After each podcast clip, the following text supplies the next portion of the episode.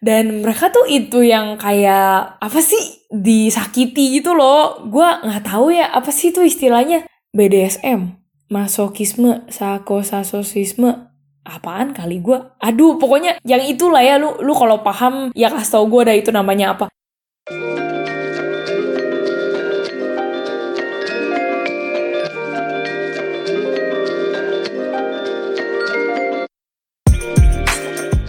Halo semuanya, selamat datang di podcast Abjad Tersirat episode yang kelima. Dan di episode yang kali ini, gue mau ngeceritain tentang pengalaman gue beberapa tahun yang lalu saat gue jadi pelajar di Australia pengalaman yang mau gue ceritain itu specifically adalah tentang tempat tinggal. Uh, jadi waktu itu, waktu gue belajar di Australia, gue tuh sempat tinggal di homestay dan juga ngekos sama beberapa strangers. Yang seru adalah saat gue harus berbagi rumah sama si strangers ini. Ada yang baik, tapi ada juga yang gila, ada yang hygiene freak, ada yang kalau nggak seks tuh bener-bener heboh banget ya, kayak lagi ada konser tiga diva di rumah gue, karena satu rumah tuh bisa denger. Jadi disclaimer dulu, podcast gue kali ini bakalan vulgar dan lebih dari 15 menit. Tapi gue bakal coba bikin durasinya around 20 to 25 minutes, but let's see how it goes. Sebenarnya susah ya buat ngerangkum 10 tahun, eh enggak ya, nggak 10 tahun, berapa sih? Gue dari di Perth itu dari 2010 ya hampir 7 tahun gitu kan gue tinggal di Australia. Well agak susah buat ngerangkum uh, kehidupan yang berwarna-warni selama 7 tahun dan gue coba rangkum dalam uh, 20 sampai 25 menit. But I'll try my best tapi intinya poin yang mau gue ceritain di podcast ini adalah mau lu tinggal di mana pun itu ada plus minusnya. Tadi kan gue udah sebutin tuh ya uh, tentang salah satu housemate gue yang kalau misalnya lagi nge-sex itu bener-bener heboh kayak konser tiga diva. Nah itu bakal jadi klimaks kita. Tapi sebelumnya sebagai pembukaan nih gue ada beberapa stage yang mau gue ceritain ke lo uh, jadi gue tuh kira-kira tinggal pindah-pindah itu empat kali selama di Australia Nah, pembukaannya adalah bakal gue buka tentang cerita saat gue uh, pertama kali di homestay. Jadi, uh, di podcast yang ini nih, gue nggak cuma fokus sama housemates gue yang aneh doang, tapi juga tentang ibu kos atau landlord yang harus gue deal with. Waktu di homestay itu kan uh, gue bener-bener baru fresh banget tuh nyampe di Perth dan gue tuh bener-bener nggak kenal sama siapa-siapa, gue nggak ngerti gimana cara urusin rumah, jadi lebih amannya emang gue tinggal di homestay. Nah, untuk yang nggak tahu homestay itu apa, ini sekilas info aja. Homestay itu adalah saat lu pergi ke suatu kota atau negara, whatever, pokoknya lu merantau, uh, lu tuh tinggal sama keluarga lokal. Uh, gue tuh waktu lagi homestay itu sebenarnya dikasih pilihan, mau gue tinggal sama siapa mau sama keluarga Indo atau keluarga asing dan gue pilih sama keluarga asing biar bisa latihan bahasa Inggris uh, lalu akhirnya dapatlah gue masih keluarga Itali dan waktu gue tinggal di keluarga Italia ini, uh, isinya tuh ada bapak, ibu, sama dua anak. Satu anak umur 8 tahun cowok dan satu lagi cewek umur 4 tahun. Kalau drama sama si house mom, uh, sebenarnya house mom itu baik sama gue dan dia tuh masaknya tuh enak banget. Tapi masalahnya ya, si house mom ini tuh kalau misalnya lagi ngebangunin anaknya atau misalnya lagi marah sama anaknya, itu tuh bener-bener pakai sumpah serapah jadi pernah ya gue tuh lagi uh, pagi-pagi gue bangun tidur, gue doa,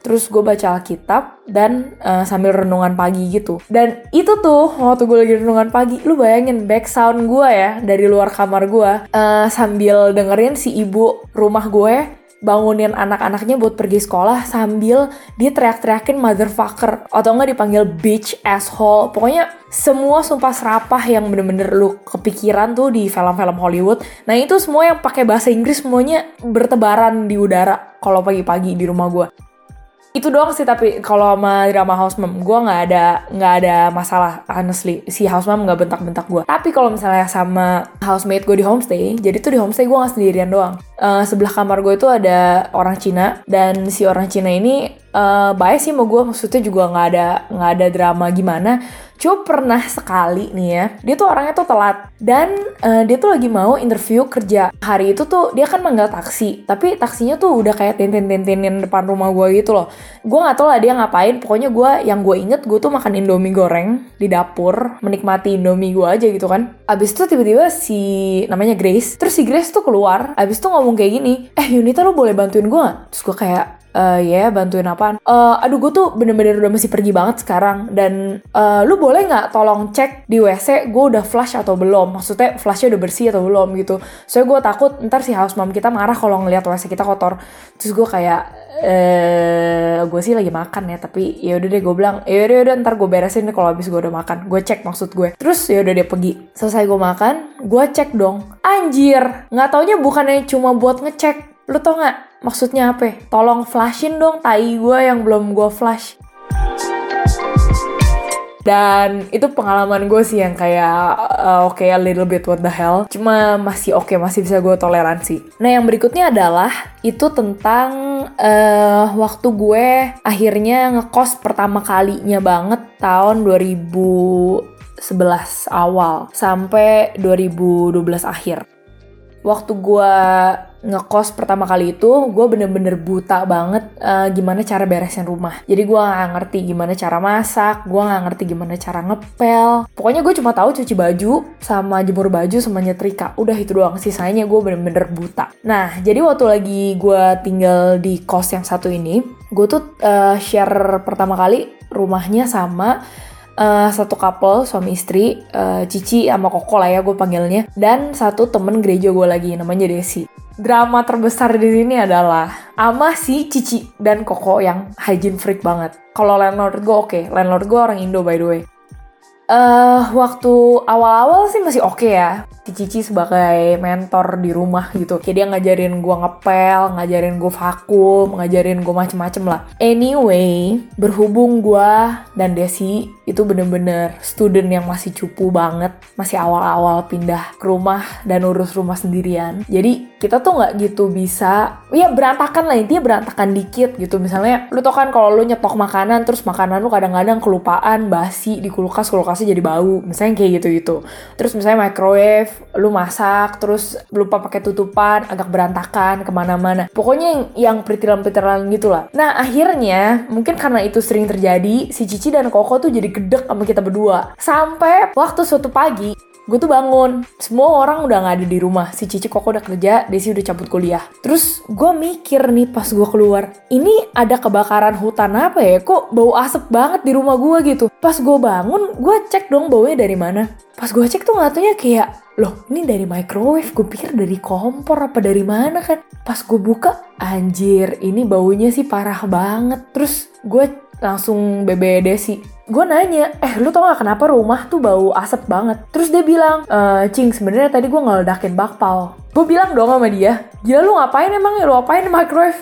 Terus dia bilang gue tuh eh, nggak uh, tahu kalau misalnya bakpao tuh kalau cuma dikit nggak usah ditaruh di microwave kelamaan. Tapi gue tadi taruh satu bakpao manasin buat breakfast. Eh nggak taunya gue taruh dua menit terus meledak Abis itu udah dong gue kayak ya udahlah mau diapain lagi. Pokoknya si Desi udah beresin tapi baunya masih nggak hilang. Akhirnya uh, ya udah gue keluar dari rumah ke kelas juga dan pas sore sorenya tuh pas uh, gue balik si Cici Koko baru balik juga. Terus nanya ke gue, ini tau gak cing kenapa rumah kok bau angus banget? Terus ya gue ngomong lah apa yang tadi gue denger dari si Desi gitu infonya tentang si bakpao meledak ini dan akhirnya uh, si Cici sama Koko tuh bener-bener yang kayak marah banget terus kayak gue lupa dia ngomong apa pokoknya intinya kayaknya ngomong something like iya makanya kalau misalnya di microwave tuh ditutup dong makanannya pokoknya yang kayak gitu-gitu deh yang gue inget sejak itu, itu tuh bener-bener rumah gue. Jadi sebelumnya, sebelum kejadian itu pun rumah gue tuh udah kayak udah banyak notes gitu. Kalau lagi di rumah tuh kayak dipasangin note, misalnya nih di pintu Jangan lupa kunci pintu, pakai spidol merah, bener-bener udah kayak kita nggak bisa baca, bangke banget deh. Pokoknya dipasang di situ. Terus di pintu dekat jemuran dipasang juga, di meja dipasang, di microwave, udah di microwave mau udah bener-bener dipasang gede banget, sumpah, gara-gara kejadian papa meledak. Akhirnya kita emosi dong, maksudnya kayak lama-lama jadi ada tension lah di rumah soalnya kayak gue mikir ya udah gitu maksudnya gue tahu gue juga nggak bersih bersih amat tapi maksudnya lu juga bukan yang punya rumah di sini. I mean kalau lu mau rumah lu bersih banget well you get out from the house and buy your own house. Aduh gila gue sama Desi udah emosi banget lah. Terus ini yang bener-bener klimaks nih gue udah kayak enak banget di rumah. Jadi gue tuh lagi buang sampah kan sampah di dalam rumah gue itu sampah plastik gitu loh yang uh, lu bisa buka tutupan atasnya gitu kepalanya. Tau nggak one day tong sampahnya diplastikin dong Sumpah, gue nggak ngertiin gimana cara jelasin ke lu. Cuma, uh, lu tau kan yang kayak plastik uh, bening buat ngenutupin makanan kalau sisa gitu, terus habis itu lu taruh di kulkas. Nah, di Australia tuh pokoknya merek mereknya tuh Glad Wrap. Jadi kalau gue bilang di Glad Wrapin, itu artinya maksudnya di plastikin. Si tong sampahnya itu di Glad Wrapin tuh di bagian atas sama di pinggiran bawahnya itu loh. Kan ada dua part kan tong sampahnya. And then I'm like dude ini gue buang sampah gimana ceritanya? Masa gue kalau tiap kali mau buang sampah masih gue plastikin? Namanya juga tong sampah. Ya sudah memang kodratnya kotor. Gue kayak akhirnya udah deh gue udah nggak tahan. Terus gue bener-bener tulis di blog gue yang mendung sore. Waktu dulu gue fotoin tuh satu rumah yang ada notesnya. Terus udah udah udah gue langsung kayak sebarkan ke seluruh dunia tentang what's going on di rumah gue terus landlord gue yang juga temenan sama gue di Facebook uh, jadi ini sebenarnya anaknya si landlord sih. Akhirnya jadi tahu kasus tentang rumah kita kenapa. Untungnya sih dia dengerin ya maksudnya untungnya dia baik. Jadi uh, ya udahlah gue cerita sama si landlord ini. Gue bilang what's going on kayak di rumah tuh kenapa? Abis itu udah nggak lama gue langsung cabut hengkang dari rumah yang terlalu bersih itu sama si Desi. Nah sekarang lanjut ke babak berikutnya. Satu babak sebelum gue akhirnya akan menceritakan tentang klimaks dari podcast ini yaitu si housemate gue yang seksnya berisik banget gue uh, akhirnya setelah si rumah yang terlalu bersih itu gue pindah ke uh, satu rumah lagi ngekos juga. Pokoknya intinya ngekos sama beberapa temen gereja gue dan satu uh, cewek bule. Nah si cewek bule ini uh, surprisingly baik banget. Padahal kita tuh dapetnya dari internet dan website tuh yang kayak kurang credible gitu loh buat nyari housemates atau nyari rent house gitu. Dan kita sih nggak ada drama apa-apa sama housemates kita masing-masing di rumah. Tapi yang drama itu sama landlord. Si landlord ini pertama orang Indo, tapi dia banyak ngomong doang, banyak bacot, pokoknya kongtai. Terus yang kedua adalah si om ini tukang bohong ternyata Pokoknya intinya uh, he tried to play with our money. Pokoknya coba mainin uang jaminan juga gue sampai pernah drama hampir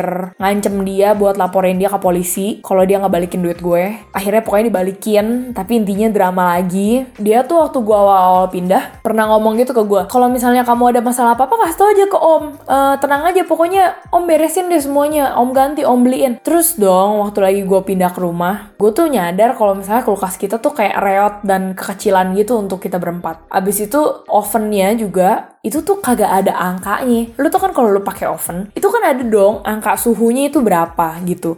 Dan gue tuh suka baking dan at that time gue tuh emang uh, baru selesai sekolah masak. Pas lagi gue telepon si om ini, gue bilang dong, om, ini ovennya tuh kagak ada angkanya. Gue bilang, ini gimana saya mau ngebake gitu. Terus tuh gak dijawab apa? Ya kamu kira-kirain lah, masa kamu gak bisa kira-kira? Kan kamu anak jurusan masak. Gue kayak, anjing sih om. Bener-bener otaknya di pantat gue rasa. Gue emosi dong gue kayak lah lu lu kata udah pakai kayak pakai suhu matahari ya gue gimana dong? Gue kayak dah ya nggak bisa loh. Abis itu gue pokoknya ribut lagi sama dia. Gue paksa dia buat nemenin gue beli kulkas sama oven. Akhirnya gue sama dia tuh pergi ke kayak tempat industrial gitu di Perth yang buat beli perkakas-perkakas gede kitchen. Dan itu gue akhirnya paksa dia untuk beliin kita oven sama kulkas. Tapi pas lagi di tempat industrial itu dia tuh udah kayak sugar daddy-nya gue gitu. Kayak dia yang ngebiayain hidup gue dan ngebeliin gue oven dan kulkas sekarang. Padahal enggak si om ini juga kalau misalnya datang ke rumah terus uh, mau ngambil rent gitu kan ya dari kita kita semua si om tuh pakai cerita dulu dong kayak ngomong om tuh balik di sidoarjo itu kaya loh Om pernah loh dijemput sama teman Om gitu, itu pakai kuda waktu itu. Wah kudanya putih, bagus. Kamu tau gak yang punya kerupuk sidoarjo? Eh itu temennya Om gue kayak ya elah om gue mana tahu yang punya kerupuk sidoarjo siapa? Gue kayak gue juga nggak peduli. Yang penting lo kagak bohong kagak mainin duit gue lu pokoknya take care of this house. I don't really care who your friend is. Yang berikutnya, ini klimaks, klimaks, klimaks tentang si housemate gue yang kalau nge-sex berisik banget. Di cerita kali ini nih, gue bakal ceritain tentang layout rumah biar lu bisa visualize rumah gue kayak gimana kira-kira. Rumah yang kali ini itu isinya enam orang. Tiga orang itu uh, gue sama dua temen gereja gue. Si Desi udah hengkang ke Indo.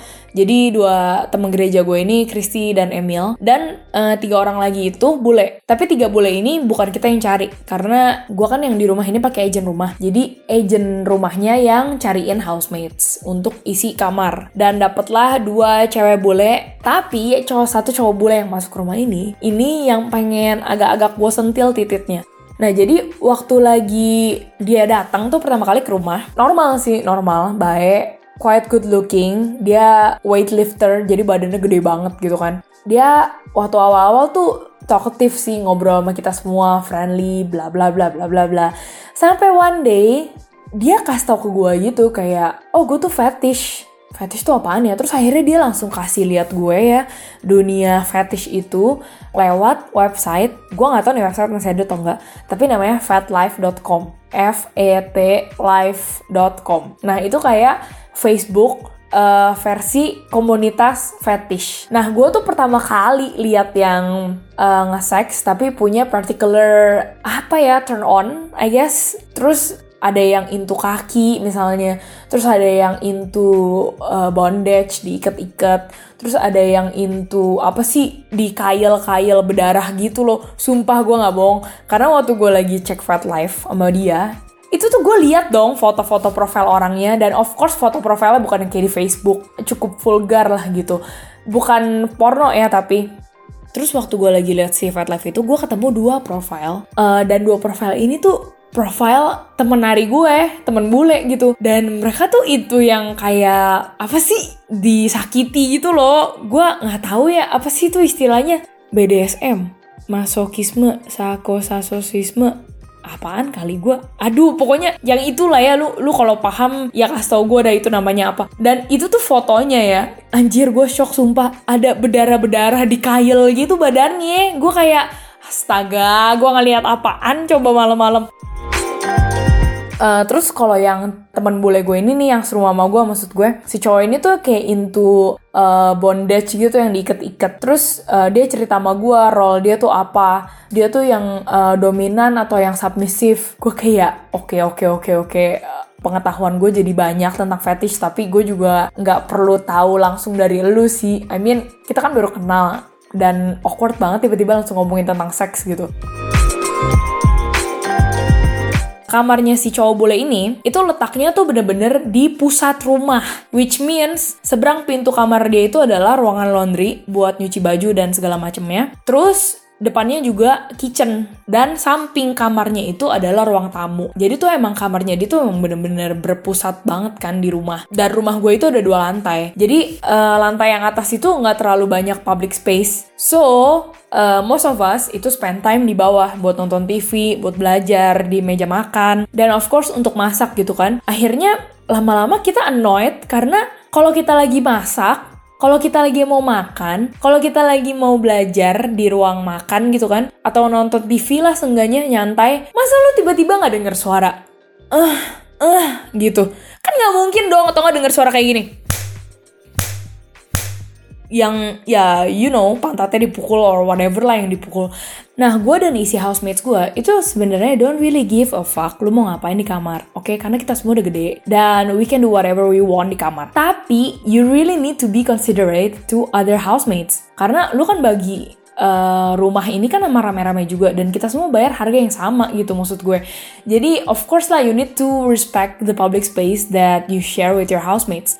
Terus uh, si temen bule gue ini yang cowok itu kalau lagi nge-sex ya itu nggak kenal jam. Lu bayangin dia pernah lagi nge-sex itu jam 12 siang, orang jam makan siang gitu kan. Orang bukannya makan dia malah ngewek kan. Terus lu bayangin tuh gue lagi mau panasin makanan di microwave atau gue lagi mau masak gitu kan lama kalau masak. Gue denger juga suara ngedesah ah eh ah eh gitu.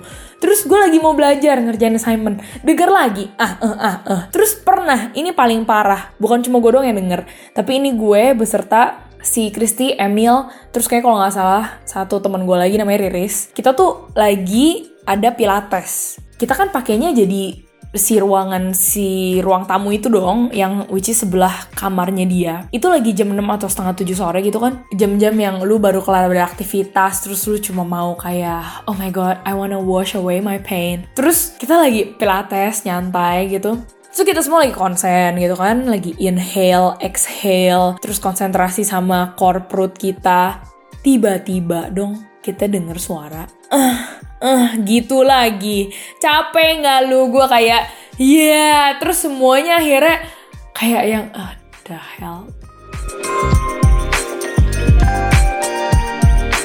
Nah, moral of the story, ya dari podcast ini adalah menurut gua lu itu uh, mesti tahu satu hal. Mau lu tinggal di mana pun mau lu tinggal sendiri mau lu tinggal bareng sama housemates lu mau lu tinggal homestay itu selalu ada plus minusnya. It's just a matter of what kind of minus yang lu bisa tolerate. Dan begitulah cerita gua yang udah gua kompres selama tujuh tahun berkelana di Australia, gue kompres tujuh tahun itu jadi entahlah 20 atau 25 menit. Dan menurut gue itu kenangan sih, kenangan yang ada shitnya, tapi juga ada lucunya, ada manisnya, absurd.